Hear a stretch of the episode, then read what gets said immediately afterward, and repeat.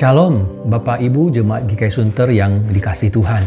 Kembali kami menyapa Anda dalam Renungan Seorang Murid. Mari saya mengajak kita berdoa, persiapkan diri sebelum kita membaca, mendengarkan, dan merenungkan firman Tuhan. Bapa di surga, kembali kami datang di hadapan-Mu dengan hati yang penuh syukur dan kerinduan. Kami mau membaca, mendengarkan, dan merenungkan firman-Mu. Kami butuh firman-Mu menuntun hidup kami, kami butuh hikmat bijaksana, kekuatan, pengharapan, penyertaan, teguran, pengudusan, dan pembaharuan melalui firman-Mu. Karena itu, berbicaralah dan bersabdalah pada kami Tuhan. Jangan kami memulai dan menjalani hidup kami sepanjang hari ini tanpa firman-Mu. Terpujilah Engkau Tuhan, dalam nama Yesus kami berdoa. Amin. Bapak Ibu perenungan firman Tuhan hari ini dari kisah Rasul pasal 12 ayat 1 sampai 19. Dan karena ayat firman Tuhannya panjang, saya tidak akan membacakannya dalam rekaman ini. Untuk itu saya minta tolong Bapak Ibu hentikan sebentar rekaman ini, lalu membaca sendiri terlebih dahulu kisah Rasul 12 ayat 1 sampai 19. Setelah Bapak Ibu membacanya, baru Bapak Ibu melanjutkan mendengarkan rekaman ini. Mari silakan Bapak Ibu. Baik, saya percaya Bapak Ibu telah membaca ayat-ayat firman Tuhan tersebut. Saya akan mulai dengan mengajak Bapak Ibu fokus pada ayat yang ke-15. Di sini kita melihat ketika jemaat Tuhan mendengar pemberitahuan dari seorang perempuan bernama Rode bahwa Petrus sedang berada di depan pintu gerbang, mereka tidak percaya malah menuduh dia itu mengigau. Terjemahan yang lebih tepat adalah gila. Jadi ketika mendengar uh, laporan dari Rode, jemaat Tuhan bukannya percaya, tapi justru menuduh Rode telah gila. Bukankah sikap jemaat Tuhan ini konyol? Kenapa saya katakan konyol? Coba kita baca di ayat 5. Di sana dikatakan, Demikianlah Petrus ditahan di dalam penjara, tetapi jemaat dengan tekun mendoakannya pada Allah. Lalu ayat 12b dijelaskan bahwa tempat yang didatangi Petrus adalah tempat di mana banyak orang berkumpul dan berdoa. Jadi bisa dipastikan salah satu pokok doa mereka adalah agar Petrus dilindungi dan dibebaskan. Jadi bisa kita bayangkan ada sekelompok orang jemaat Tuhan yang berdoa meminta sesuatu pada Tuhan, lalu ketika Tuhan mengabulkan, mereka justru tidak percaya. Bahkan mereka lebih percaya bahwa yang mengedor pintu tersebut adalah malaikat Petrus. Kalau memang benar itu adalah malaikat, apakah malaikat butuh mengetuk pintu dan butuh dibukakan pintu? Tentu tidak perlu, karena malaikat bisa saja dia langsung uh, masuk tembus dinding. Nah ini artinya saking sulitnya mereka mempercayai apa yang terjadi, mereka jadi kehilangan akal. Kira-kira apa yang terjadi pada diri mereka? Nah jika kita kembali ke ayat 1 dan ayat 2, disebutkan bahwa saat itu Raja Herodes sedang melakukan penganiayaan terhadap jemaat Tuhan.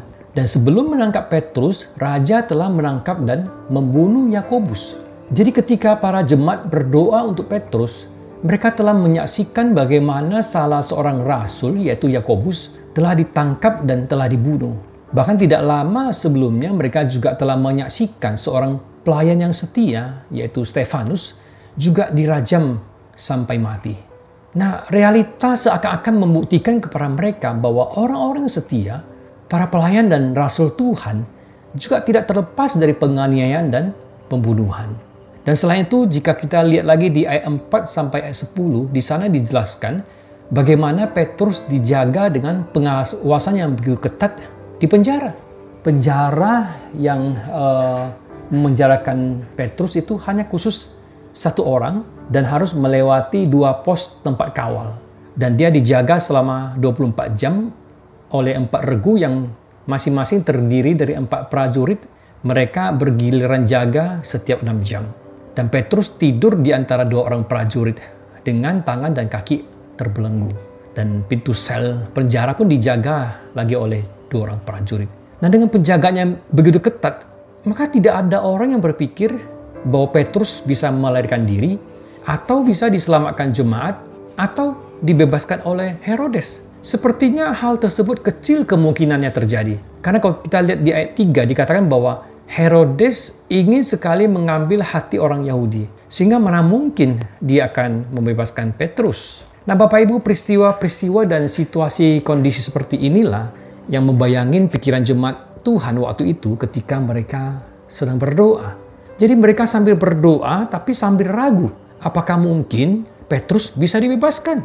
Nah, Bapak Ibu, ada bagian otak kita yang disebut dengan istilah kata hipokampus Istilah ini untuk menyebut bagian otak yang berfungsi sebagai tempat penyimpanan ingatan. Nah, kita bersyukur kita dimampukan untuk bisa menyimpan ingatan. Jika tidak, maka ketika kita keluar rumah, bisa saja kita tidak tahu jalan pulang. Tapi sayangnya, berkaitan dengan mengingat apa yang orang lain lakukan pada kita, kita cenderung cepat melupakan kebaikan orang. Tetapi bisa lama kita mengingat ketidakbaikan yang orang lakukan kepada diri kita. Kadang kita bisa dendam pada seorang sampai bertahun-tahun. Satu ketidakbaikan seakan-akan menguburkan ratusan kebaikan yang pernah orang lakukan kepada kita. Nah ini yang terjadi para jemaat yang berdoa bagi Petrus. Mereka mengingat bagaimana Stefanus dirajam sampai mati. Yakobus ditangkap dan dibunuh. Tapi mereka melupakan begitu banyak mujizat yang pernah Kristus lakukan. Kira-kira hilang ke mana ya ingatan mereka ketika Yesus pernah merubah air menjadi anggur, menyembuhkan orang yang kerasukan, menyembuhkan berbagai penyakit, menghidupkan kembali anak janda di Nain yang telah mati, menenangkan badai, dan banyak lagi mujizat yang pernah mereka saksikan yang Yesus lakukan. Mungkin lebih kurang ada 50 mujizat yang pernah Yesus lakukan. Tapi seakan-akan jemaat melupakan semuanya. Itulah sebabnya ketika mereka berdoa saat itu, mereka berdoa di dalam keraguan. Nah Bapak Ibu, bukankah kita juga sering melakukan hal yang sama yang dilakukan oleh jemaat Tuhan pada waktu itu? Ketika kita menghadapi kesulitan dalam kehidupan kita, apalagi itu kesulitan besar, maka kita itu cenderung fokus pada kesulitan tersebut dan melupakan segala kebaikan, pertolongan, mujizat, dan kemahakuasaan yang pernah Tuhan lakukan dalam kehidupan kita. Misalnya, mengalami kebanjiran dua minggu membuat kita melupakan pemeliharaan Tuhan ketika kita pernah alami tidak banjir selama 50 minggu. Mengalami sakit dua minggu membuat kita melupakan pemeliharaan Tuhan ketika kita pernah sehat 50 minggu. Mengalami kerugian usaha satu hari membuat kita melupakan pemeliharaan Tuhan ketika kita pernah mendapatkan keuntungan 364 hari. Mengalami kesulitan dan pergumulan hidup satu tahun membuat kita melupakan pemeliharaan Tuhan ketika kita pernah alami kelancaran selama berpuluh-puluh tahun dalam kehidupan kita.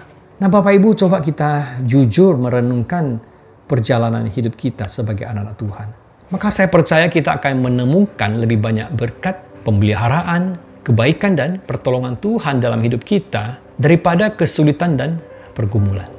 Bahkan kesulitan dan pergumulan yang Tuhan izinkan itu pun sebenarnya adalah wujud kebaikan Tuhan dalam kehidupan kita. Bapak Ibu, Tuhan selalu dan berkali-kali memerintahkan umat Israel untuk mengingat kebaikan, pertolongan, kemahakuasaan, dan pemeliharaan Tuhan dalam kehidupan mereka. Tuhan kerap meminta mereka mendirikan batu peringatan untuk mengingat perbuatan Tuhan dalam kehidupan mereka. Tuhan meminta mereka memberitahukan kepada anak cucu mereka segala perbuatan baik yang telah Tuhan lakukan dalam kehidupan mereka. Mazmur 103 ayat 2 mengatakan, Pujilah Tuhan, hai jiwaku, dan janganlah melupakan segala kebaikannya.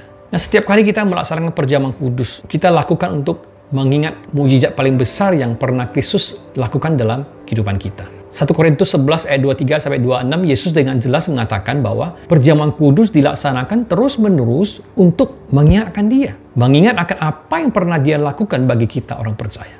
Nah, karena itu pada hari Minggu barusan Bu Sudedi menjelaskan esensi daripada perjamuan kudus yaitu untuk mengingat akan kasih dan pengorbanan Kristus. Sehingga walaupun kita tidak melakukan seperti yang biasa kita lakukan, kita tidak melakukannya di gereja bersama, tidak makan roti dan minum anggur perjamuan, kita tetap bisa mengingat akan kasih dan pengorbanan Kristus. Karena esensinya adalah mengingat perbuatan Tuhan dalam kehidupan kita. Nah, di sini kita melihat betapa Tuhan mendaki kita senantiasa mengingat kebaikannya dalam kehidupan kita. Karena itu di tengah kesulitan yang kita hadapi, saya mengajak kita tidak melulu fokus kepada kesulitan tersebut.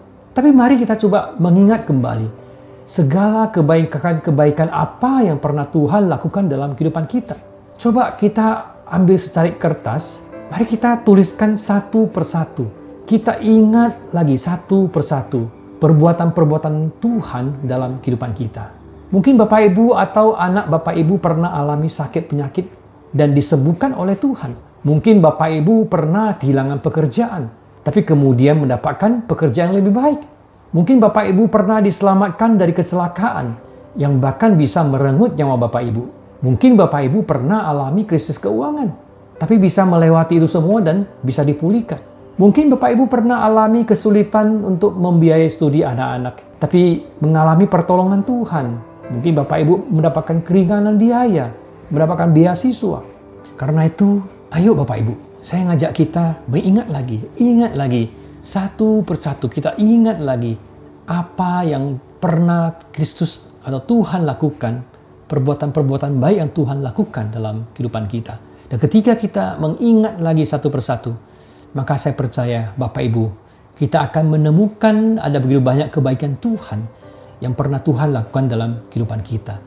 Bahkan melebihi kesulitan-kesulitan yang kita hadapi. Dan ketika kita mengingat-ingat kembali segala perbuatan dan kebaikan Tuhan, maka saya percaya kita akan lebih dikuatkan dalam menjalani kehidupan kita dengan segala tantangan dan pergumulan yang kita hadapi. Amin.